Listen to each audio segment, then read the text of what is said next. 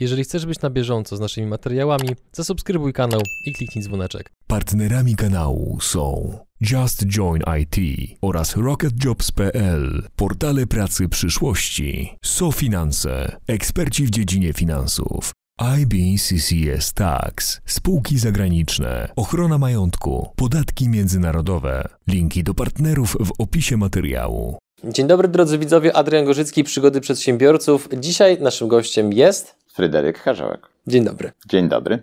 Nim zaczniemy, to drodzy widzowie, proś, prośba do Was o listę obecności, czyli napiszcie w komentarzu, w jakiej branży działacie, bądź jaką firmę prowadzicie. Chcemy Was troszeczkę bliżej poznać, a kto wie, może też z powodu tej listy obecności coś biznesowego zadzieje się akurat między Waszymi firmami, między naszymi widzami. Nim przejdziemy do samego wywiadu, to jest na pewno część osób, która Cię jeszcze nie zna, nie? Bierzesz to pod Z całą uwagę? pewnością tak jest. Docieram tylko do określonej liczby osób, będzie na pewno sporo osób, które jeszcze nigdy o mnie nie słyszało. To przeczytam krótkie bio na Twój temat, a Ty sprawdzaj, czy mówię prawdę. Okay. Dobra? Ekspert w dziedzinie finansów osobistych, właściciel kilku firm z branży finansowej oraz szkoleniowej, doświadczony szkoleniowiec. Od prawie 30 lat nieustannie związany z branżą finansową, na Facebooku obserwuje go 77 tysięcy osób. Autor książek Heksagon Szczęścia, Równowaga kluczem do spełnienia. Problemy są dobre, czyli jak odzyskać siłę w trudnych czasach. 13 nawyków ludzi sukcesu. W wieku 30 lat usłyszał od swojej żony, że stał się zgredziały. Chodził do pracy, której nie lubił i zarabiał tyle, by jedynie opłacić rachunki. Wtedy przebudził się do działania. Trafne czy nietrafne? Jeden drobny szczegół tylko, ponad 100 tysięcy osób już obserwuje mnie o. na Facebooku, okay. E, bo jest różnica pomiędzy polubieniami a obserwującymi, więc tych obserwujących jest ponad 100 tysięcy już. Gdybyś miał w kilku zdaniach powiedzieć, abstrahując od tego opisu, kim jest Fryderyk Karzełek, co byś powiedział? E, homo sum et nil humanum ame alienum esse puto, czyli jestem człowiekiem, nic co ludzkie nie jest mi obce, to tak troszeczkę zostało mi jeszcze z czasów szkolnych. Mhm. To jest bardzo trudno... Y odpowiedzieć na pytanie, kim jestem, tego człowiek szuka najczęściej przez całe życie. Mhm. Najczęściej mówię o sobie, jestem przedsiębiorcą, mhm. który y, chce żyć w balansie, to znaczy poszukuje sposobu na życie i chce się tym wszystkim dzielić. Mając za sobą 30 lat doświadczeń w biznesie, mając dzisiaj 60 lat, po prostu odczuwam dzisiaj potrzebę, żeby mówić o tym ludziom, jak warto żyć. Nie jak muszą, czy jak powinni, tylko jak warto żyć. Mhm. Kim warto być, co warto robić. Że na przykład w książce Heksagon Szczęścia opisuje sześć obszarów w naszym życiu, które warto stworzyć jako wartość, żeby mm, kierując się tymi wartościami po prostu nie zatracić się w życiu. Spotykam takie dwie grupy a propos balansu, o którym powiedziałeś, gdzie jedna grupa mówi, że ten balans jest istotny i starają się go szukać, a druga grupa można wręcz powiedzieć, że szydzi w ogóle z tego konceptu, że chcąc osiągnąć spektakularny sukces w biznesie, ten balans jest praktycznie niemożliwy. Jak byś to skomentował? Jedni i drudzy mają rację. Ja hołduję takiej zasadzie, która, którą y, znam z 30 lat znowu. Ja ją nazywam zasadą Paracelsusa. I Paracelsus powiedział kiedyś, że nie ma trucizn ani lekarstw na świecie. W otaczającym nas świecie są substancje. I w zależności od tego, jaka jest dawka danej substancji, to będzie ona albo trucizną, albo lekarstwem. To się mhm. odnosi również do tych dwóch e, skrajnych rzeczy w naszym życiu. Będą momenty, i moje życie też e, zaliczyłem upadek, e, mając lat 36, że było w totalnym niebalansie. I wtedy właściwie walczyłem o przetrwanie. Brakowało pieniędzy, odwrócili się ode mnie przyjaciele, nie miałem radości życia ale dążenie do balansu i utrzymywanie go na pewnym poziomie znowu jest lekarstwem. I teraz, jeżeli będziemy potrafili między tymi dwoma skrajnościami się ciągle odnajdywać, to moim zdaniem odnajdziemy ten, ten właściwy złoty środek. No i teraz jeszcze tak, żeby widzowom przybliżyć w ogóle skalę Twojej działalności. Obecnie Twoje biznesy robią milion obrotu miesięcznie. Więcej już Więcej. teraz robią, ale y, to jest jakby, mhm. wiesz jak to jest w biznesie. Płynne. To jest płynne. Natomiast chcecie tę firmę przeskalować do 50 milionów. Nawet może lepiej. To zanim w ogóle tego wątku skalowania przejdziemy, bo to jest no, ambitny cel, to powiedziałeś przed chwilą i myślę, że wiele osób skupiło na tym uwagę. Mając 36 lat, miałeś pewnego rodzaju problemy. Co to były za problemy?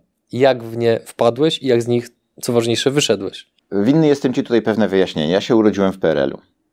I kiedy wyjechałem za granicę za chlebem, w cudzysłowie za chlebem, kiedy mieszkaliśmy jeszcze w Katowicach, e, mieliśmy trzy marzenia, z których się pewnie będziesz śmiał. Mianowicie, jednym z tych marzeń było posiadanie samochodu, drugim było posiadanie telefonu w domu, a trzecim było ogrzewanie w mieszkaniu.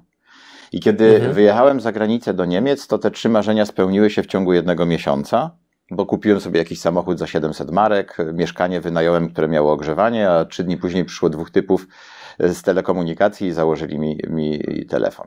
I, I, w związku z czym jakby geneza jest teraz taka. Mhm. Przyjechał chłopak z PRL-u, gdzie nie uczono nas ani podstaw biznesu, ani tego, jak się w ogóle, wiesz, zachować w społeczeństwie. No byłbyś wrogiem ludu chyba wtedy. No, no byłbym wrogiem ludu wtedy. I ten chłopak w pewnym momencie zauważa, tak jak powiedziałeś na początku, że zarabia tyle pieniędzy, że mi to kompletnie nie daje radości bycie w takim kraju jak Niemcy. Mhm. W związku z czym, i do tego jeszcze dokłada moja żona cegiełkę, mówiąc, że w wieku 30 lat jestem zgredem, że wracam do domu, otwieram sobie piwo, zjadam obiad i oglądam telewizję, czyli nie za takiego faceta wychodziła. Ona tam nawet powiedziała coś w rodzaju, fajny miałeś marketing przed ślubem, wiesz, ale teraz to już nie jest to to, to co tak, miało być. To musiało być mocne to dla boli. ciebie. Mhm. E, I ja w tym momencie zamknąłem się w drugim pokoju zacząłem myśleć nad tym, co jest grane. I wtedy dotarło do mnie, że jestem biedny. Dotarło do mnie, bo poszedłem następnego dnia do majstra w firmie, w której pracowałem. Mówię, że jaka jest w ogóle moja perspektywa zarobków w tej firmie. On mówi, no jak będziesz tak dobrze pracował, jak pracujesz, to za rok ci dam jedną markę na jedną godzinę podwyżki. Wiesz, ja sobie to przeliczyłem szybko i to nie było optymistyczne. No i zacząłem w tym momencie szukać sposobu na to, bo wyszło mi jeszcze z wyliczeń, bo zrobiłem coś, czego większość ludzi nie robi. Wyliczyłem sobie mój wymarzony dochód na owe czasy i wyszło mi 10 tysięcy marek, a zarabiałem 2,5. Mhm. Czterokrotnie więcej. Wyszło mi też, że wiesz, jak zwiększę ilość czasu, który będę przeznaczał na tę pracę, to ciągle, no, to się nie zepnie. No i zacząłem szukać. Trafiałem na różnego rodzaju spotkania, gdzie mieliśmy chodzić po domach, sprzedawać żarcie dla psów, wiesz, ale wyłożyłem się na tym, jak gościu otworzył tę puszkę, wyjął trochę tego jedzenia, zjadł i mówi, czasami będziesz musiał pokazać klientowi, że to jest ekologiczne. No to ja nie zdałem tego egzaminu. No i pewnego dnia, jak to zwykle bywa w życiu, ktoś tam do mnie zadzwonił z czasów studenckich jeszcze i zapytał mnie, czy nie szukam przypadkiem pracy. Powiedziałem owszem, ale pod warunkiem, że będę otrzymywał za nią wynagrodzenie minimum 10 tysięcy marek. Powiedział, no to musimy porozmawiać. No i jeszcze jedna rzecz jest ważna w tym wszystkim, bo się okazało, że mam coś sprzedawać. No tak, nie będzie za darmo. Mhm a ja miałem najgorsze wyobrażenie z możliwych o sprzedawcach, wszystkich tych, którzy przychodzili do mnie, bo był jakiś tam agent ubezpieczeniowy, który przychodził do mnie do domu i ja miałem w pewnym momencie wrażenie, że on chce u nas zamieszkać. Wiesz, posiedział u nas tyle, ja mówię w pewnym momencie do żony, mówię, ty, on zaraz pewnie wystąpi z wnioskiem, żeby go tutaj zameldować w tym mieszkaniu naszym. To tak byli żarty. Mhm. W każdym razie y, ja byłem przekonany, że się do tego kompletnie nie nadaje. Mało tego, uważałem to za podłą bardzo czynność. No ale czas pokazał jednak, ponieważ ten, który przyjechał do mnie wtedy, był genialnym sprzedawcą, przekonał mnie jednak do tego, żeby pojechać na spotkanie i tak zostałem wtedy świeżo upieczonym doradcą finansowym. I teraz kontynuując dalej. No właśnie, jakby tak? gdzie te problemy wybuchły? No właśnie. No bo kiedy zostałem doradcą finansowym, okazało się, że firma, w której pracuję po roku, mniej więcej uważałem, że to nie jest ten kierunek, ponieważ to była taka, mm, tam była taka kultura, wiesz, ciśnij, tu patrz jaki mam zegarek, wiesz, też sobie taki kupisz, jak będziesz dobrze pracował i tak dalej. I to mnie nie do końca przekonywało. Taki ja trochę klimat pro... wilka z Wall Street. Tak, tak, tak. Byłem bardzo prokliencki, chciałem robić dobrą robotę, chciałem mieć po prostu czyste sumienie. No i zmieniłem firmę, druga się okazała dużo lepsza pod tym względem, ale ja się zacząłem rozwijać, zacząłem się uczyć i w pewnym momencie jeden z moich przyjaciół mówi, ty czemu nie założysz takiej firmy sam? Hmm. Hmm. No dobra. No i założyłem sam taką firmę. No, ale wracając teraz do tego, co powiedziałem przed chwilą, ja nie miałem kompletnie doświadczenia w prowadzeniu biznesu, więc popełniłem wszystkie możliwe błędy i w pewnym momencie wymyśliłem sobie, że ja będę wydawał gazetę po polsku w Niemczech. I wtedy hmm. jeszcze okazało się, żeby nie było, to jeszcze okazała się gorsza rzecz, mianowicie jeden z produktów, który miałem finansowych, okazał się być piramidą finansową. Nie potrafię sobie wyobrazić uczucia, które ci towarzyszyło, kiedy ta informacja doszła do twojej świadomości. No to ja pamiętam, wiesz, że pamiętam dokładnie ten moment, Adrian? Poproszę go. Jechałem z Polski, Zatrzymałem się na Berliner Ring pod Berlinem, żeby się przespać. I rano się obudziłem, włączyłem radio i usłyszałem, że to jest piramida finansowa. Ja przyjechałem do biura, zacząłem odbierać telefony od klientów. My, my tam mieliśmy kilka milionów złotych naszych klientów y, zainwestowane. Na szczęście nie było tego za dużo jeszcze. Mhm bo, nie, bo byłem świeżo upieczonym przedsiębiorcą, ale to się nałożyło od razu na to, że odwrócili się klienci, odwrócili się współpracownicy, spadły mi obroty o 70% i moja świeżo y, postawiona gazeta po polsku w Niemczech po prostu stała się teraz gigantycznym kosztem. No i niestety jest takie stare powiedzenie Indian Dakota, którzy mówią, jak koń zdechł, to trzeba z niego zsiąść. Ja nie znałem ani tego powiedzenia, a nawet gdybym znał, to nie wiem, czy bym z niego skorzystał. Ja mhm. nie zsiadłem z tego konia, pomimo, że on był martwy. Próbowałem przez 12 miesięcy jeszcze w agonii totalnej ratować to wszystko i skończyło się to milionem marek długu, bo to później wiesz doskonale, że jest efekt domina i mhm. kiedy próbujesz wszystko ratować, a w takiej sytuacji już nie było szans, no to, no to skończyło się jak się skończyło, ogłosiłem, ogłosiłem niewypłacalność. To nim przejdziemy dalej, bo no, o piramidach finansowych każdy słyszał, natomiast wydaje mi się, że nie każdy miał okazję porozmawiać z kimś, kto był poszkodowanym, ale nie po stronie e, klienta, który to kupił, tylko po stronie sprzedawcy, który to sprzedawał.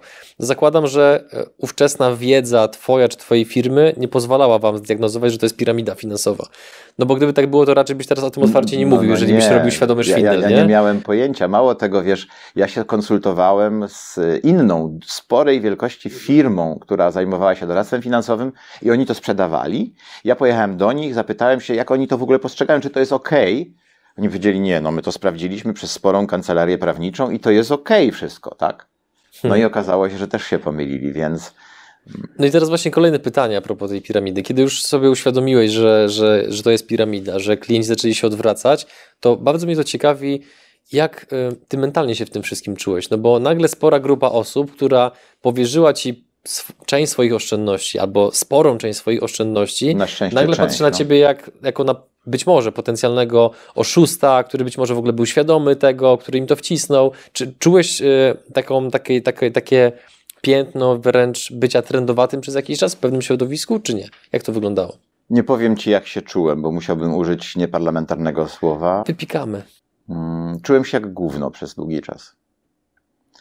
Mało tego, otrzymywałem pogróżki telefony, że spalą mi dom, że mam uważać na siebie, że, że po prostu coś mi się stanie.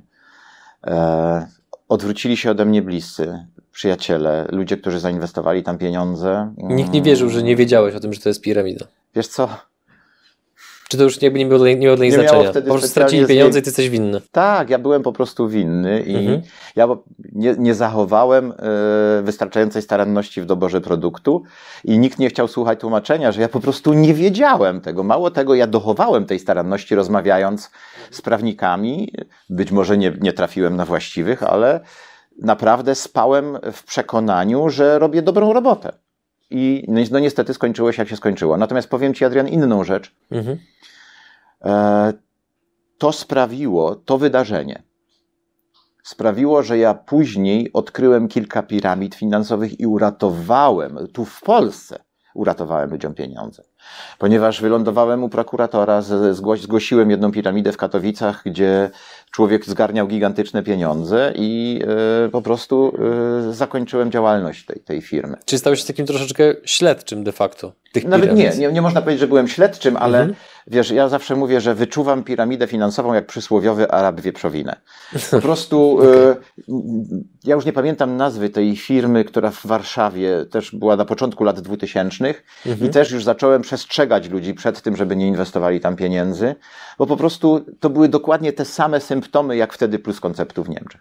A to nie jest trochę tak, że jak nagle przestrzegasz ludzi przed piramidą finansową, no to do ludzi, którzy za tą piramidą finansową stoją, dochodzą sygnały, że ktoś im mąci w ich biznesie? Czy ci ludzie nie interesowali się nagle tobą? Wiesz co, chyba nie miałem wtedy takich zasięgów, żeby mhm. być znaczącym e, opiniodawcą na ten temat, więc nie, nie, nie, nie zaznałem tego rodzaju historii. To biorąc pod uwagę to, że ten materiał no, obejrzy prawdopodobnie tysiące osób, to czy mógłbyś na bazie swoich doświadczeń właśnie wylistować tak pokrótce kilka sygnałów, które mogą świadczyć o tym, że mamy do czynienia z piramidą finansową, no bo jak historia długa i e, przyszłość przed nami szeroka. Ludzie zawsze szukali dróg na skróty, zawsze będą szukali dróg na skróty.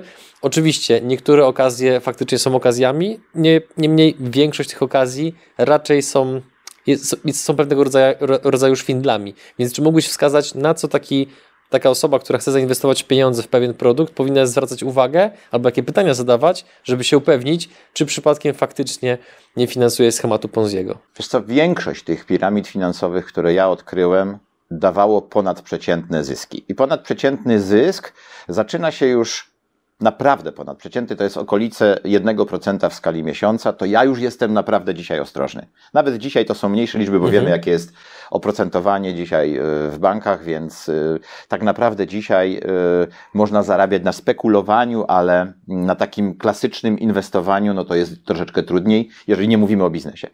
Natomiast piramidę finansową rozpoznaje się bardzo łatwo w ten sposób, że ktoś przychodzi i obiecuje ci na przykład, że te pieniądze, które tam wpłacisz, będą ci dawały 1, 2 albo 3% miesięcznie. Ja zawsze zadawałem tylko jedno pytanie. Czyli jeżeli ja teraz sprzedam mój biznes, załóżmy za wiele milionów złotych i włożę w to, to w tym momencie ja nie muszę już pracować do końca życia. No tak, zazwyczaj ci ludzie w ten sposób argumentowali, że jeżeli ja tam włożę te pieniądze, to będę dostawał na przykład 2 albo 3% miesięcznie. Tutaj trzeba dodać do tego jeszcze jedną rzecz bardzo ważną. Pamiętaj, jeżeli ktoś przychodzi ci to sprzedawać, on tego nie robi za darmo. Więc jeżeli ktoś y, namawia cię do tych 2 albo 3% miesięcznie, to tam 1 albo 2% też są prawdopodobnie dla niego.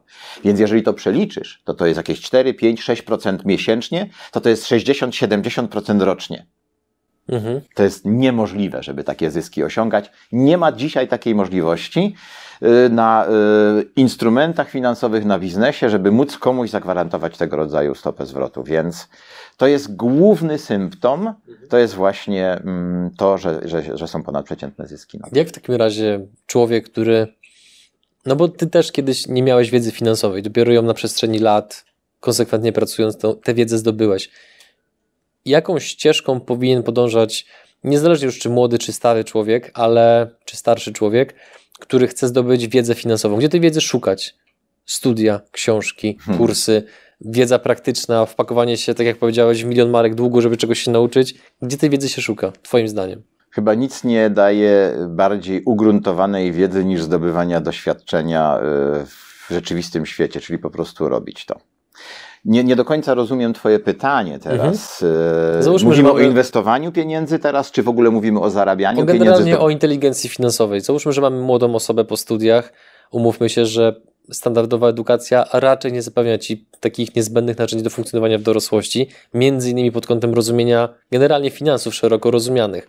Więc gdzie taka osoba powinna tej wiedzy szukać? Jak ją powinna zdobywać, żeby potem nie paść chociażby ofiarą piramid finansowych? No to zacząłbym od tego, że y, dzisiaj jest wiedza i to jest chyba też przekleństwo dzisiaj, dzisiejszych czasów, że wiedzy jest tak jak było 30 lat temu, tej wiedzy nie było prawie w ogóle, ona musiała jej szukać w bibliotece, mhm. tak dzisiaj jest, ona jest wszechdostępna. W naszej kieszeni. Tak.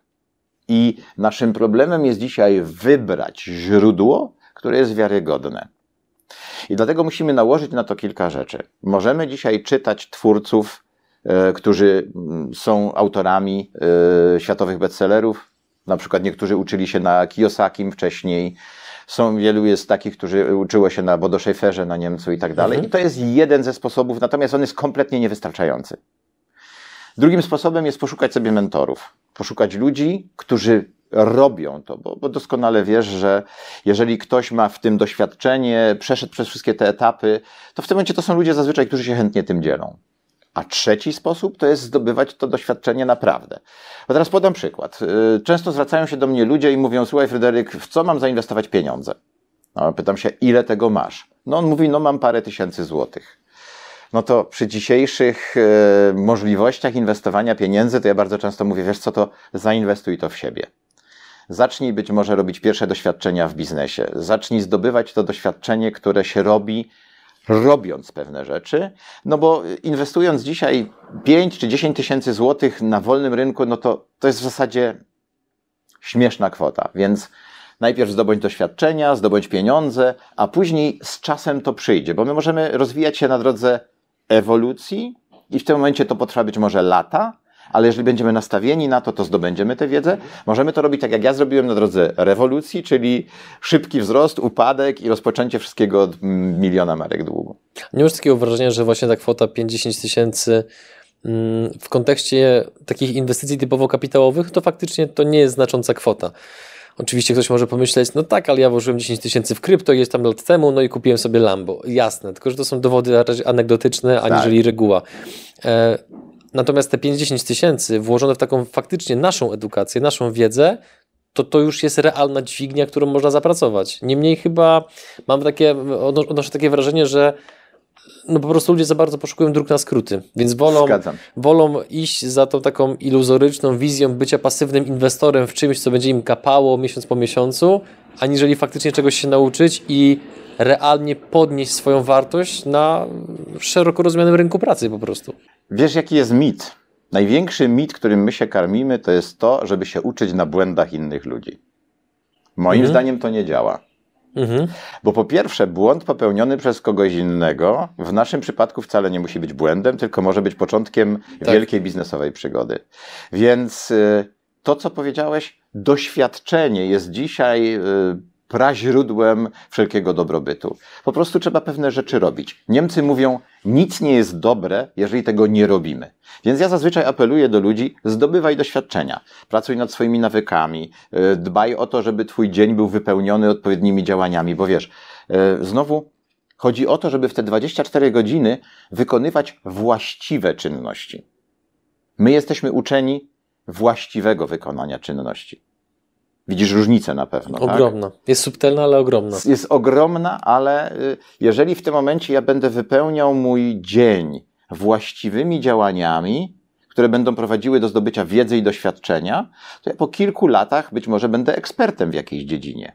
Mhm. Być ekspertem jako jeden z moich systemów zarabiania pieniędzy, bo możesz się pozycjonować na rynku na kilka sposobów. Możesz iść w kierunku ekspertstwa. Są ludzie na przykład jak Marcin Osman, Mhm. Jednoosobowa, niskie koszty, wysokie dochody. Ale możesz się pozycjonować jako przedsiębiorca, na przykład to jest moja droga. Zatrudniać całkiem sporo ludzi, dawać im możliwość rozwoju, wspierać ich, ale też y, budować firmę, która mm, w przyszłości będzie generować na przykład obroty rzędu kilkudziesięciu mhm. milionów rocznie. Ile osób teraz masz na pokładzie? W tej chwili mamy około 100 osób, którzy okay. w jakiś sposób się z nami związali mhm. w różnych formach współpracy. Powiedziałeś to powiedzenie, że jak koń zdechł, należy z niego zsiąść. Tak. Nagle budzisz się w rzeczywistości, w której masz milion marek długu. Czyli na polskie to było wtedy 2 miliony złotych? 2 miliony złotych. To nie jest sytuacja generalnie, która jest sytuacją powszechną, typową. To raczej te, te, tego doświadcza bardzo niewielka grupa osób, a jeszcze mniejsza w ogóle z tego wychodzi. Więc jak udało Ci się w ogóle z tej sytuacji wyjść? Pamiętam taki dzień w 1997 roku, w którym to wiedziałem, że muszę się wyprowadzić z mojego pięknego domu. Żonę zawiozłem do Polski na wakacje. Padał deszcz, a ja zalewałem się łzami. Miałem 36 lat wtedy. Nieskończone jeszcze 37. To był ten moment, kiedy były 2 miliony złotych długu. Tak, wiedziałem już, że jest koniec. Wiedziałem, że jest koniec, że po prostu teraz muszę podjąć jakieś decyzje, co dalej. Mając 36 lat, wtedy zdałem sobie sprawę z tego, że odebranie sobie życia byłoby nie na miejscu. Stąd też dzisiaj się bierze to, że mówię bardzo często, że nie ma takiej sytuacji finansowej, która by była powodem, żeby odebrać sobie życie. Mhm. Szczególnie dzisiaj. I to jest mój apel do ludzi, tak. żeby broń Boże nie myśleli o odebraniu sobie życia z powodów finansowych. Zresztą y, już Ci o tym wspominałem, jestem ekspertem w pewnym serialu dokumentalnym, który będzie emitowany na Polsacie, Wolni od długów, gdzie pomagamy ludziom w wychodzeniu z zobowiązań, długów, mhm. po to, żeby po prostu stanęli na nogi i rozpoczęli życie od nowa. Więc e, znowu wracam do tego Twojego pytania. Mhm. Jak, jak, się z tego podniosłeś? Jak się podniosłem no bo, tego? Mówiąc kolokwialnie, dwie bańki to jest kupa kasy. Niezależnie od tego, czy ktoś zarabia 50 milionów, czy zarabia 5 tysięcy złotych, to są ogromne pieniądze. Czyli wracamy do tego momentu, kiedy ja siedzę w tym, w tym deszczowym dniu w moim domu, którego się muszę wkrótce wyprowadzić i zadaję sobie pytanie, co dalej. Wiesz, jak jest z decyzją życiową? Decyzja to jest z języka niemieckiego Entscheidung w ogóle. Scheidung to jest rozwód. Scheidung to jest rozwód. Mhm. Czyli jest to rozwód z tym, co było, na korzyść tego, co ma być. Ja wtedy podjąłem decyzję po kilku godzinach przemyśleń, że zawalczę o siebie. Zawalczę o moje życie, o moją rodzinę, że się po prostu nie poddam. I potem jakby za dotknięciem czarodziejskiej różdżki zaczęły się dziać rzeczy. Zacząłem się, zacząłem rozmowy z wierzycielami. To jest jeden z najważniejszych elementów wychodzenia z długów. Nie, nie ukrywać się, nie, że wiesz, nie odbierasz dokumentów, tylko po prostu zacząć rozmawiać Mhm. z wierzycielami, że chcesz. Mhm. Nikt nie ma interesu w tym, żeby cię dorżnąć, jeżeli jest racjonalny. To, Mhm. to, y, to jest jed- jedna z zasad wychodzenia z długów, więc rozmowa.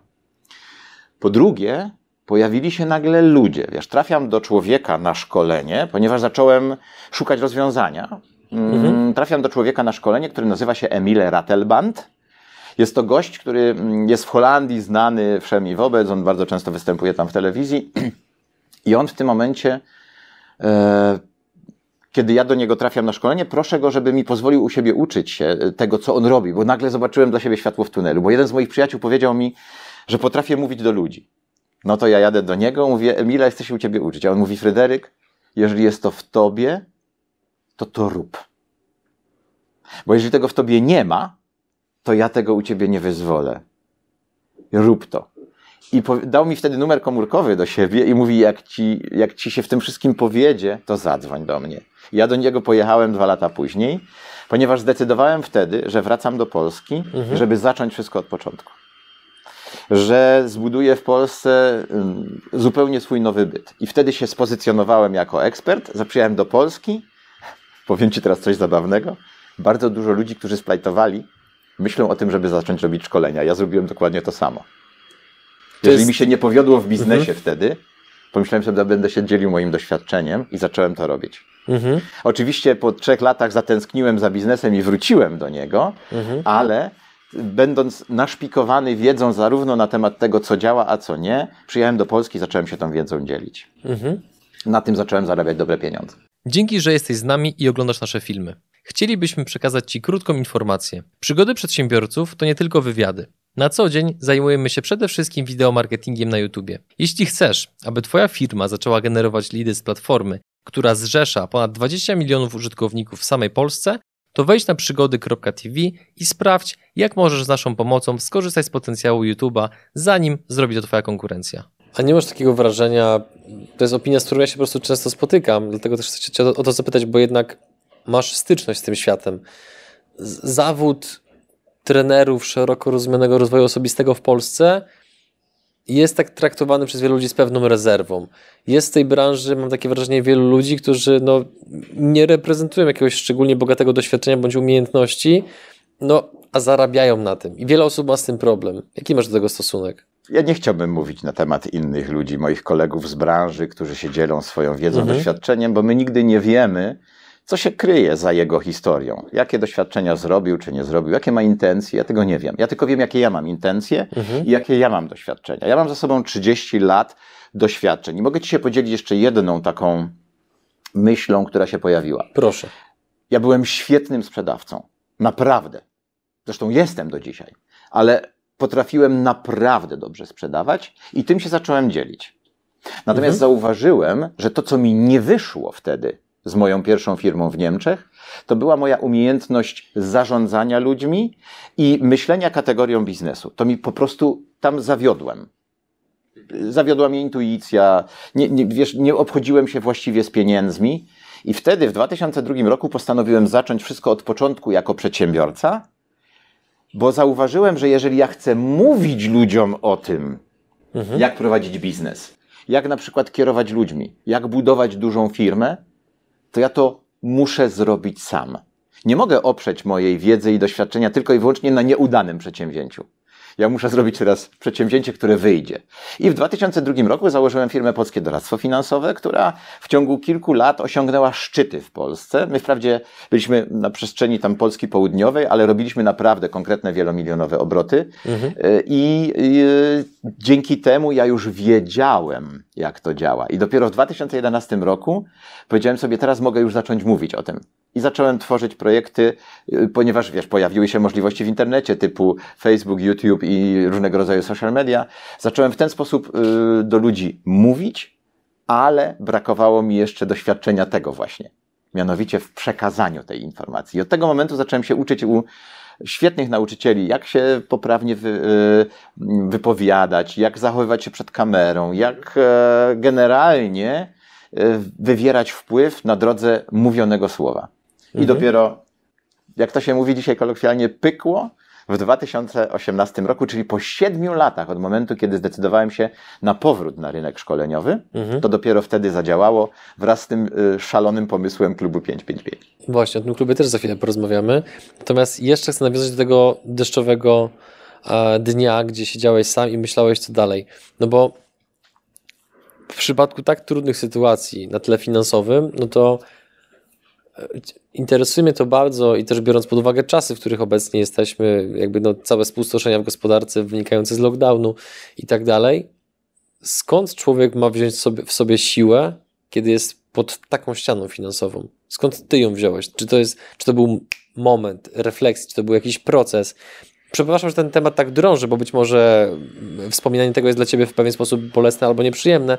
Natomiast no, moją rolą jako prowadzącego jest wyciągnięcie z ciebie jak najbardziej przydatnych informacji dla widzów, a wyobrażam sobie, że mm, takie trudne sytuacje, których teraz właśnie doświadczamy w gospodarce, jednak no, dotyczą wielu ludzi. Więc jak ty znalazłeś sobie tą siłę, żeby zamiast na, na to machnąć ręką i wyłączyć telefon i udawać, że problemu nie ma, to ty wyszedłeś tym problemom naprzeciw i je rozwiązałeś.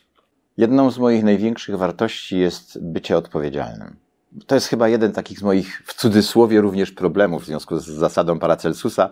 Ja po prostu czuję się za bardzo czasami odpowiedzialny za problemy tego świata.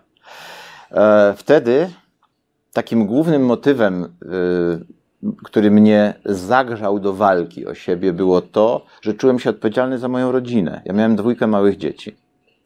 I sobie pomyślałem, wiesz, trochę teraz mnie ogarnia wzruszenie, ale nie chciałem, żeby mój syn mnie wspominał jako tego, który odebrał sobie życie z powodów finansowych. I Mhm. dobrze, przejdę na pozytywną stronę. Chcesz chusteczkę? Nie, nie, nie. Okej. Już teraz będzie ok. Dobrze. E, z perspektywy tych dwudziestu kilku lat, Adrian, Mhm.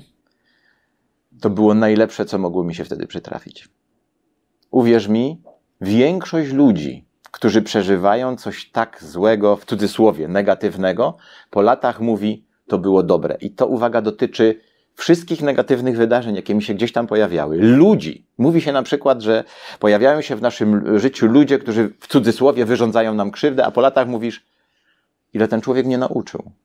Ile dostałem od niego dobra poprzez to, że był wobec mnie taki, a nie inny. Ludzie, których spotykamy, wiesz, my ich wspominamy tych, którzy byli fajni, mili, sympatyczni, ale ci, co nam dokopali tak naprawdę solidnie, okazuje się często, że są najlepszymi nauczycielami dla nas. Ergo, to wydarzenie z roku 96 i 7 sprawiło, że jestem zdecydowanie lepszym przedsiębiorcą, lepszym człowiekiem, lepszym, lepszym sprzedawcą. Y, To, to, wiesz, z perspektywy tych dwudziestu kilku lat to, to ma same zalety. Gdybym wtedy zrezygnował, odebrał sobie życie, rozpił się, bo taka opcja też była. Ja zacząłem powoli sięgać do, do kielicha, ale też się w pewnym momencie złapałem na tym, że staję się, wiesz, weekendowym alkoholikiem, że czekam tylko na weekend, bo wtedy komornik nie przyjdzie i wtedy się mogę, wiesz, wyluzować zupełnie.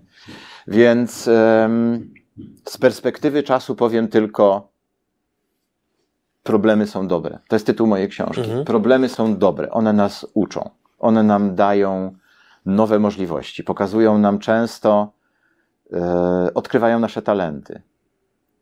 Z Mhm. perspektywy lat zawsze się okazuje, że to było dobre. Masz takie poczucie, że jesteś przez e, sporą część osób kojarzony właśnie z takim promowaniem dobrych, skutecznych nawyków, które poprawiają jakość życia, czy nie? Taka jest moja intencja, Adrian. Ja Mhm. chciałbym, żeby ludzie dostrzegli pozytywną stronę życia, żeby stali się życzliwymi ludźmi, żeby te wszystkie moje 13 nawyków, które ja je autentycznie, głęboko przemyślałem, te 13 nawyków. Nawet dzisiaj w wywiadzie porannym David Allen mi potwierdził dwa z nich. Że na przykład, kiedy zapytałem go, jak wygląda jego normalny dzień, to mi powiedział, no ja, mój normalny dzień się zaczyna zawsze dzień wcześniej, wieczorem, kiedy robię plan na następny dzień. A mój pierwszy nawyk jest właśnie zaczynaj każdy dzień z gotowym planem. Mhm. Także e, oczywiście, że promuje rozwój osobisty, promuje pracę nad swoim mózgiem, nad swoim zdrowiem. Cały heksagon szczęścia jest tak, wiesz, głęboko przeze mnie przemyślany. Jak do tego dołożymy te nawyki, to naprawdę można stać się e, mhm. efektywnym, spełnionym, szczęśliwym człowiekiem, który odnalazł sens swojego życia. Ja go odnalazłem. I teraz właśnie a propos nawyków. Powiedziałeś, że jest ich 13. Nie będziemy wszystkich omawiać, no bo zachęcamy widzów do, za do zakupu książki, link w opisie filmu. Natomiast gdybyś mógł chociaż powiedzieć o trzech, ale też w kontekście tego, jak te nawyki wdrożyć. No bo to, że na przykład picie codziennie wody jest właściwe? Oczywiście, każdy, każdy o tym wie, tak? Ale to jest tak banalnie Ty... proste, że. Zgadza się, tylko łatwiej powiedzieć, trudniej zrobić. Więc ciekawi mnie, jakie są takie, powiedzmy, Twoje trzy ulubione nawyki, które masz poczucie, że są bardzo dużym lewarem dla podnoszenia swojej skuteczności, czy dla optymalizacji zdrowia, wybierz dowolny obszar, mhm. ale przede wszystkim, co ważniejsze, jak je wdrożyć, żeby to nie było tylko i wyłącznie taki e, zryw z okazji na przykład nowego roku, że teraz nowy rok, nowy ja, a po dwóch tygodniach wracamy do brutalnej rzeczywistości. To opowiem o trzech nawykach, Poproszę. tak jak powiedziałeś. Pierwszy z nich bądź życzliwy dla świata, drugi bądź zdyscyplinowany i wytrwały i trzeci e, dbaj codziennie o swoje zdrowie.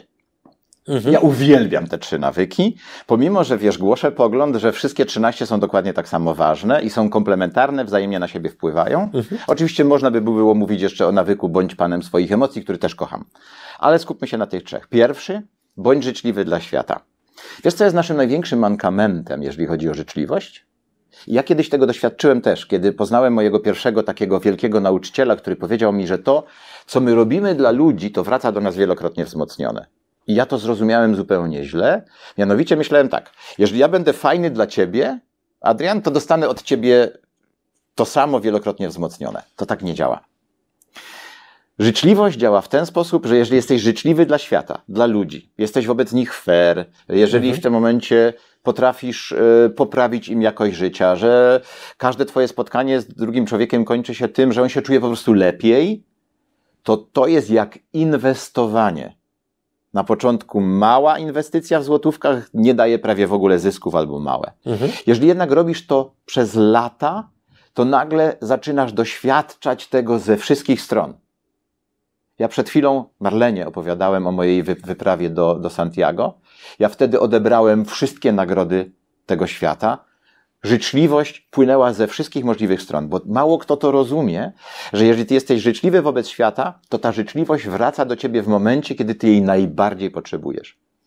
Ja tak rozumiem świat. Mhm. Może to jest dziwne troszeczkę, nie z tej ziemi, ale tak mhm. go rozumiem. Że jeżeli inwestuję życzliwość, to w pewnym momencie ona do mnie wraca wtedy, kiedy jej najbardziej potrzebuję. Drugi nawyk samodyscyplina i wytrwałość. Jest piękna historia Briana Tracy, którą opisuje w książce, mianowicie trafił kiedyś na człowieka, który się nazywa Kop Kop Mayer. Gdzieś na lotnisku czy na dworcu kolejowym siedział, pił kawę i Kop Mayer napisał książkę Tysiąc sposobów na sukces. I tam jednym z tych tysiąca sposobów jest właśnie samodyscyplina. I Brian zapytał go, yy, co na temat tej dyscypliny sądzi w ogóle, na temat jednego z tysiąca sposobów i Kopmajer powiedział, że jeżeli wprowadzisz w swoje życie samodyscyplinę, to 999 innych metod osiągnięcia sukcesu zadziała. Jeżeli tego jednego nie, sposobu nie wprowadzisz, tej metody, czyli mhm. samodyscyplina, żadne nie zadziała. To mnie szalenie przekonało i ja od ponad tysiąca dni wstaję codziennie o godzinie 4.55, żeby o 5.55 usiąść przed moją kamerą i transmitować 30 minut dla ludzi na Facebooku na moim fanpage'u. Po 250 dniach, wyobraź sobie, wprowadziłem nawyk wstawania wczesnego i daje mi to gigantyczną satysfakcję. Ja się już rano cieszę. Ja się budzę rano, nie tak jak każdy wie, że o, znowu muszę wstać, tylko wiesz, ja się budzę najczęściej bez budzika i mówię, o, za chwilę wstaję, super, nowy dzień, kolejny. Mhm. I wreszcie trzeci, rozmawialiśmy o tym chwilę przed naszą rozmową. Ja mam ostatnio fioła na punkcie zdrowia, ale tak jest chyba, wiesz, Adrian, że kiedy się kończy 60 lat, i chcę się jeszcze, a zdeklarowałem, ale że będę... nikt ci nie uwierzy, że ty masz tyle lat, zobacz jak ty wyglądasz, nikt ci nie uwierzy, ale no przy, przyjmijmy, kontynuuj. A, ja za, obiecałem, bo tej historii też jeszcze nie znasz. Ja zrobiłem wyzwanie w klubie 555, żeby 555 dni wstawać codziennie o 5.55. I w tym momencie to wyzwanie zaczęło się po półtora roku kończyć i ja nie wiedziałem, co dalej. W związku mhm. z czym powiedziałem do wszystkich moich słuchaczy i klubowiczów, powiedziałem, słuchajcie, tyle, ile będzie osób na żywo w ostatni dzień wyzwania, o tyle dni przedłużę klub 555. Było 6602 osoby, czyli 18 lat dostałem wyrok, że jeszcze będę transmitował klub. Ja powiedziałem w tym momencie, jest! Super, 6602 dni, czyli będę miał 77 lat, jak skończę to wyzwanie. Mhm. W związku z tym, wiesz, y, każda z naszych decyzji powinna implikować nasze zachowania w każdym z sześciu obszarów heksagonu. Czyli teraz tak, ja złożyłem deklarację, 17 lat będę transmitował o 5.55. Czyli teraz tak, y, to ma wpływ na moje relacje z otoczeniem, bo wiesz, wygląda zupełnie inaczej mój dzień. Po drugie, muszę zadbać o moje zdrowie. Po trzecie, muszę podporządkować temu również mój plan dnia. Po czwarte, muszę rozwijać mój mózg. Ponieważ ja będę przez 17 lat musiał do ludzi mówić i też nie chcę ciągle powtarzać tego samego. Natomiast powiem Ci teraz o absolutnym przeboju. Wiesz, co ostatnio przeczytałem? Że są badania. Nie pamiętam teraz dokładnie, ale Amerykanie zbadali, że największa efektywność człowieka przypada w latach jego życia 60 do 70 lat. Statystyki pokazują, Okej, że najwięcej, najwięcej noblistów, średnia wieku najlepszych noblistów to jest 63 lata. Średnia wieku. Mhm. E, prezesi największych spółek na świecie, średnia wieku 62 lata. Czyli nasz najwię, naj, okres, okres największej efektywności życiowej przypada pomiędzy 60 a 70 rokiem życia. Drugi, według tych badań, podam Ci później te, te, te badania, kto je zrobił, e, to jest między 70 a 80. A popatrz, jaki jest stereotyp. Wysyła się ludzi po 60 na emeryturę. Stereotyp mówi, po 60 się już nie, niczego nie nauczysz, a tymczasem jest to najlepszy okres w naszym życiu. Więc ja sobie powiedziałem, jednym z tych parametrów będzie moje zdrowie. W związku z czym zadba, zadbałem o siebie i ten nawyk w tej chwili najbardziej wdrażam. Yy, Dbam o to, mam swojego trenera, biohackera, który się mną zajmuje. Pozdrawiam Wojtka Stronga, który robi to w cudowny sposób. Jest pierwszym człowiekiem, który mnie zmusił do regularnego ćwiczenia. W cudzysłowie zmusił, bo on mnie zmotywował do tego. Ja się nie mogę doczekać kolejnych ćwiczeń, które będą jutro rano. No i teraz przechodzę do tej drugiej części mojego pytania. Jak te nawyki wdrożyć? No bo świadomość tego, że one są dobre i potrzebne, zgadza się. Ale jak je realnie wdrożyć? No bo y, ludzie nie bez powodu polegają na tym, że mają różnego rodzaju deklaracje, na przykład noworoczne, a potem statystyki pokazują, że po kilku tygodniach, no generalnie to wszystko to już są tak naprawdę wspomnienia. Więc z Twojej praktyki i z Twoich obserwacji, doświadczeń, jakie są najskuteczniejsze sposoby wdrażania nawyków? Oprócz oczywistego, po prostu go rób. Jest jedna rzecz, której musimy się nauczyć jako ludzie. Nauczyć się tego, kiedy myśleć, a kiedy działać. Przed chwilą powiedziałem o decyzji w języku niemieckim Entscheidung. Mhm. Powiedziałem o tym, że trzeba się najpierw zastanowić, podjąć decyzję, przystąpić do działania. Różnica jest subtelna. Jeżeli ty dokładnie przemyślisz decyzję, przykładowo chcesz zrzucić nadwagę, kilogramy, chcesz zdrowo żyć, chcesz wprowadzić nawyk, dbaj codziennie o swoje zdrowie. I odpowiesz sobie na pytanie dlaczego. Poznasz swoje wartości, napiszesz sobie 20, 30, 40 powodów, dlaczego to zdrowie jest ważne, bo ja tak zrobiłem. I kiedy podejmujesz decyzję, że już teraz zawsze, bo moim ulubionym czasem, na jaki wprowadzam nawyk, jest na zawsze, i podejmujesz decyzję, że już teraz będziesz to robił, to musisz w tym momencie wyłączyć od tego momentu myślenia, kiedy zapadła decyzja, myślenie o, tym, o tej decyzji. Tylko działasz. Już nie myślisz o tej decyzji, bo wiesz, co się dzieje, kiedy zaczynasz myśleć o tej decyzji? Dzieje się to, co z większością ludzi, którzy idą na siłownię od początku roku. Mianowicie mają pierwsze zakwasy, y, problemy, boli ich cały czas coś i tak dalej. Oni zaczynają się zastanawiać, czy ta decyzja była dobra. I wątpliwości się I pojawiają. pojawiają się wątpliwości. Tak. E, Jak się zaczynasz zastanawiać nad tym, widziałem sporo książek na temat funkcjonowania mózgu. Wiesz, że twój mózg będzie ci podsuwał, jeżeli ty zaczynasz wątpić w swoją decyzję, to twój mózg podsunie ci kilkadziesiąt powodów, dlaczego masz tego nie robić. Polegniesz, Adrian. Gwarantuję ci. Dlatego nie wolno o tym myśleć. Druga rzecz jest jeszcze, którą wiem od Wojtka Stronga. Mianowicie, jeżeli my dbamy o nasz organizm, na przykład o nasz układ odpornościowy, o naszą fizyczność, o twoje mitochondria, jelita, że wszystko działa jak należy, ty masz energię na to, żeby mieć samodyscyplinę. Bo jeżeli twój organizm nie jest w porządku, to ty rano się budzisz zmęczony, organizm, y, twój mózg rezerwuje energię na to, żeby reperować, co tam w środku się dzieje. Przykładowo masz cieknące jelita i w tym momencie ty nie masz energii na to, żeby wytrwać postanowieniu.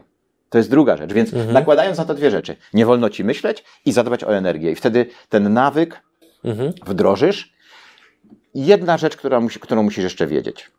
To jest mit, że nawyk się wdraża w 21 dni. Też w to nie wierzę. Czym bardziej czegoś nie lubisz, tym więcej potrzebował będziesz czasu, żeby nawyk wdrożyć. Przypominasz sobie, przed chwilą powiedziałem 250 dni. Potrzebowałem 250 dni, żeby wdrożyć nawyk porannego wstawania, że nie mam z tego powodu już bólu dupy. Ja po prostu wstaję rano. Dla mnie to jest normalne, wiesz, jak poranne siku. Więc y, trzeba po prostu wytrwać sobie indywidualnie daną liczbę dni, Mhm. żeby ten nawyk ci wszedł w życie. Tak jest z bieganiem, tak jest z dietami, tak jest y, y, z nauką języków. Wszystko, co dobre w naszym życiu, jest indywidualne, przypisane do każdego z nas i trzeba po prostu wytrwać to. Nie zastanawiając się nad tą decyzją i dbając o swoją fizyczność, żeby mózg nie był twoim największym przeciwnikiem we wdrażaniu nawyku. A zgadzasz się z tym, że warto o swoich postanowieniach czy nawykach, które chcesz wdrożyć, poinformować bliskich czy otoczenie, żeby mieć takich trochę strażników, którzy będą tak po prostu się przyglądali tobie, czy, czy lepiej tego nie robić? Jakie jest twoje zdanie? No oczywiście, że trzeba o tym powiedzieć. Jak ja powiedziałem o tym, że będę wędrował do Santiago z Polski Mhm. i powiedziałem to przed y, pięcioma tysiącami ludzi, którzy oglądali mojego live'a wtedy, to co, myślisz, że ja po trzech dniach wędrówki, kiedy miałem buty pełne odcisków, miałem powiedzieć, słuchajcie, wiecie co, jednak się rozmyśliłem i tego nie zrobię? Mhm. Po prostu poszedłem dalej i koniec. Złożyłem deklarację przed pięcioma tysiącami osób. Oczywiście, że trzeba o tym mówić.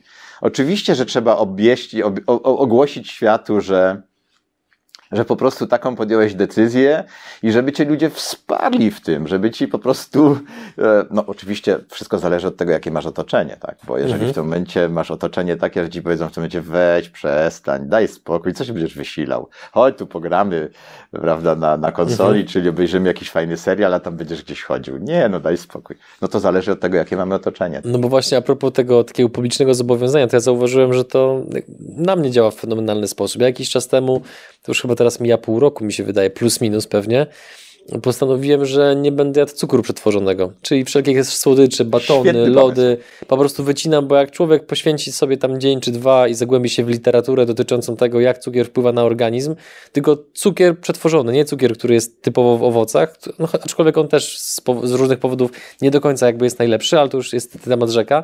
Niemniej wszelkiego rodzaju właśnie ciasta i tak dalej, to wszystko wy- wyciąłem. No i parametry zdrowotne po prostu wyskoczyły do góry i to y, przez jakiś czas, zwłaszcza moja rodzina musiała się przyzwyczaić, no bo jak przychodzisz na, na imprezę urodzinową, gdzie jest piękny, pyszny tort, a ty masz ze sobą siatkę na przykład kiwi albo dwa jabłka, no to tak ale o co chodzi w ogóle?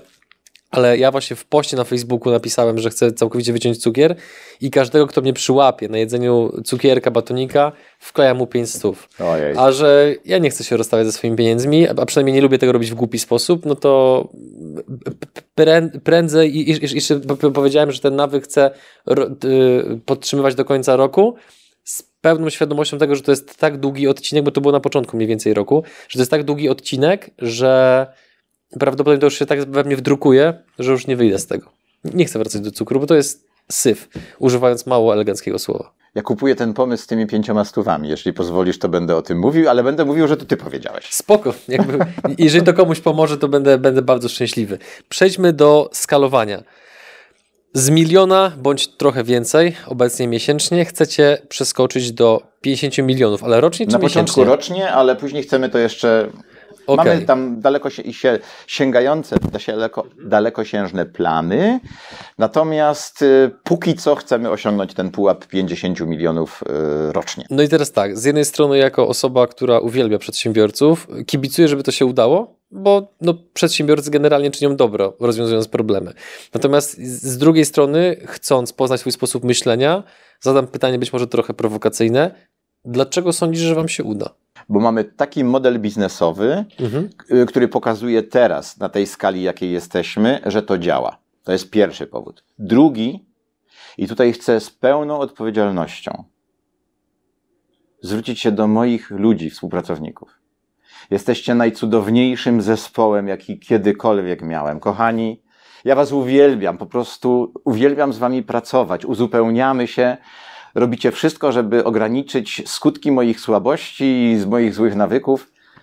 Jesteście wyjątkowi. I to jest to, co mi daje dzisiaj 100% pewności, że my to Mhm. zrobimy. Dobra, zapytam jeszcze z innej strony. E, Na jakiej przestrzeni... Przesadziłem teraz trochę z tym moim Nie, apelem? nie, Nie, jest- naprawdę jest- tak myślę, Adrian, naprawdę. A czy absolutnie nie zakładam, że może być inaczej, tylko tak jak powiedziałem Ci jeszcze przed nagraniem, moją rolą jako prowadzącego jest sprawdzanie granic Twojej otwartości, nie? Więc sprawdzam, gdzie ta granica leży. I idąc dalej. W jakim horyzoncie czasowym chcecie to zrobić? Krótka odpowiedź? Plus minus? Pięć lat. Okej.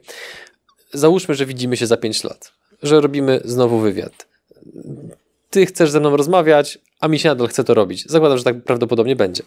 E, Ale rozmawiamy i ten cel się nie udał. Bardzo mocno się wymini, wy, wy, wyminęliście z celem, który zakładaliście. I teraz, gdybyś miał zgadywać, dlaczego wam się nie udało, po to, żebyśmy porozmawiali o potencjalnych ryzykach i zagrożeniach, które są na tej ścieżce biznesowej, to co byś wskazał? Pytanie Twoje rozumiem jako y, takie przewidywanie i bycie adwokatem diabła, Tak. co może nie wyjść. Tak. E, myślę, że jeżeli chodzi o to wszystko, co znajduje się w naszej strefie wpływu, z tym sobie poradzimy. Mamy model biznesowy, mam cudownych ludzi wokół siebie, Mhm. y, plany, wszystko działa. Niestety mogą się wydarzyć, i to jest chyba jedyne, co, co mogłoby być, to są czynniki zewnętrzne. Tak Mhm. jak teraz pandemia paradoksalnie spowodowała wzrost naszych obrotów, także tak my nie jesteśmy w stanie przewidzieć, y, co może w ciągu tych pięciu lat nastąpić. I tutaj, Adrian, przepraszam cię, ale Mhm. nie wiem, co może nastąpić takiego, y, że może zagrozić naszym planom. Mhm. Ponieważ nie wiem dlatego, że nie jestem w stanie tego sobie wyobrazić, bo to może być coś, o czym my w ogóle czego istnieniu jeszcze nie wiemy. Na przykład, gdyby rzeczywiście nastąpiła eskalacja pandemii, ludzie by zaczęli masowo umierać i wtedy by się, wiesz, rozwój osobisty nie stałby się czymś ważnym dla ludzi, tylko byłoby przetrwanie, stałoby się numer jeden i tak dalej. No to, Mhm. to wtedy pewnie byśmy tego nie zrealizowali. Mhm. A czy w jakimkolwiek obszarze działań waszej firmy masz poczucie, że jesteś trochę wąskim gardłem, czy nie? Wiesz co, dzisiaj w dobie specjalizacji większość firm ma ten problem, Mhm. że, że gdzieś tam te wąskie gardło jest. W związku z czym, wiesz co, ja nie wywołuję wilka z lasu. Ja, się, Mhm. ja na tym etapie się po prostu nie przejmuję. Natomiast y, nawiążę do tego, co powiedziałeś, jakby nie wyszło. Wiesz co, ja mam taką zasadę życiową. Być może słyszałeś taką historię o chińskim rolniku, który miał konia. Słyszałeś może? To, to jest taka stara historia. Nie mam jak świat. pewności, więc proszę jest, przytoć Jest facet, y, chiński rolnik, który miał lata temu, setki lat temu miał konia we wsi. Mhm. I wszyscy mu zazdrościli. Mówili, jakie ty jesteś szczęśliwy. On odparł na to, któż to wie, czy to jest dla mnie dobre, a czy złe, że mam tego konia. Więc się, ci się złapali za głowę i pewnego dnia ten koń mu uciekł, żeby nie przedłużać. I wszyscy przychodzili i mówili, jakie cię nieszczęście spotkało. On mówi, któż to wie, co jest dla mnie dobre, a co złe. Ten koń wrócił, przyprowadził dwa dzikie konie. Znowu wszyscy przychodzili i mówili, takie szczęście cię spotkało. Ten mówi, któż to wie, co jest dobre, a co złe. Jego syn, jedyny, który miał mu pomagać w zbiorach e, na, na, na żniwa, chciał osiodłać jednego z tych dzikich koni, spadł, złamał nogę. Wszyscy, o, jakie cię nieszczęście spotkało. On mówi, któż to wie, czy to jest dobre, a czy złe. Przyszła komisja poborowa do wsi, żeby młodych ludzi brać na wojnę. Wszystkich młodych ludzi wzięła, tylko jego syna nie wzięli, bo miał złamaną nogę, czy obie nawet. Tak? Więc ja mam zasadę jedną, która powoduje, że jestem panem moich emocji dzisiaj. Jeżeli się coś dzieje, to ja nie wiem, czy to jest dobre, czy złe. To dziwnie zabrzmiało, prawda, Adrian? To jest bardzo mądre podejście. Ja absolutnie z racji dużo mniejszego doświadczenia od ciebie, więc nie chcę teraz snuć jakiejś mądrości. Niemniej, chociażby nawet to, że siedzimy w tym studiu, robimy ten program, to jest wynik tego, że ja kiedyś podjąłem po prostu bardzo głupią decyzję, na tamten czas dla mnie dramatyczną w skutkach. E, Natomiast no, widocznie to było właśnie po to, któż to wie, czy to jest dobre, czy złe, po to, żebyśmy no, właśnie teraz siedzieli tutaj i rozmawiali. Moment, w którym przestaniesz traktować życie y, w kategoriach czarno-białych, to znaczy, że moment, w którym przestaniesz w ogóle osądzać, to jest dobre dla mnie, a to jest złe, to jest moment Twojego wyzwolenia, bo zaczynasz traktować wszystko, co Ci się przytrafia, przytrafia, wszystko, co Ci się przytrafia, traktujesz w kategoriach lekcji. Mhm. Czyli uczysz się dzięki temu. Czy to są ludzie, czy zdarzenia, to tylko patrzysz na to przez pryzmat zdobytego doświadczenia. Czego się, czego się nauczyłem? Bo teraz, jeżeli się pojawia w Twoim życiu jakikolwiek problem, to wiesz, jakie jest najtrudniejsze pytanie, które trzeba sobie zadać? co w tym problemie jest dla mnie dobrego. Jeżeli to zrobisz i wyłapiesz to, to nagle zaczynasz się rozwijać. Bo drugie pytanie za tym idące brzmi, co w moim życiu jeszcze nie było doskonałe, że ten problem mógł wystąpić? Pamiętasz moją historię z 96? Tak. Jak ja sobie zrobiłem listę rzeczy, które nie były w moim życiu doskonałe, to nagle wiedziałem, nad czym ja muszę pracować, żeby i następne już się wszystko powiodło, jeżeli chodzi o biznes, tak? Już wiedziałem, gdzie są, wiesz, e, jest taka też inna piękna historia o pewnym dygnitarzu kościelnym, biskupie, który przyjechał do pewnej wioski i ci na jego cześć zrobili strzelanie do kaczek, tak? No i w tym momencie zaprowadzili go nad jezioro, kaczkę wypuścili, padł strzał, Kaczka pac, wpadła do wody kilka metrów od brzegu. No jeden z tych wieśniaków po wodzie, pyk, pyk, pyk, poszedł po wodzie, wziął tę kaczkę i wrócił. Ten biskup tak patrzy, strzał drugi, znowu kaczka wpadła 10 metrów od brzegu, znowu ten inny wieśniak po wodzie przebiegł. Biskup mówi, to ja teraz pójdę. No i oczywiście padł strzał, kaczka wpadła do wody, biskup poszedł i oczywiście wpadł po szyję do wody, tak? No jeden z tych wieśniaków wtórnął drugiego i mówi, ty patrz, wiarę już ma, ale jeszcze ciągle nie wie, gdzie są kamienie. I to jest znowu historia, która pokazuje, że całe nasze życie nie wystarczy tylko wierzyć, być wiesz, hura mhm. optymistą i tak dalej, tylko nasze życie yy, polega na tym, żeby dowiedzieć się, gdzie są te kamienie, tak? I, i często mhm. temu poświęcamy yy, sporo czasu, uczymy się, chodzimy na szkolenia, czytamy książki, spotykamy ludzi, słuchamy takiego programu jak twój, żeby się dowiedzieć od ludzi, którzy przez to przeszli, gdzie te kamienie w ogóle są. Na tym to wszystko polega.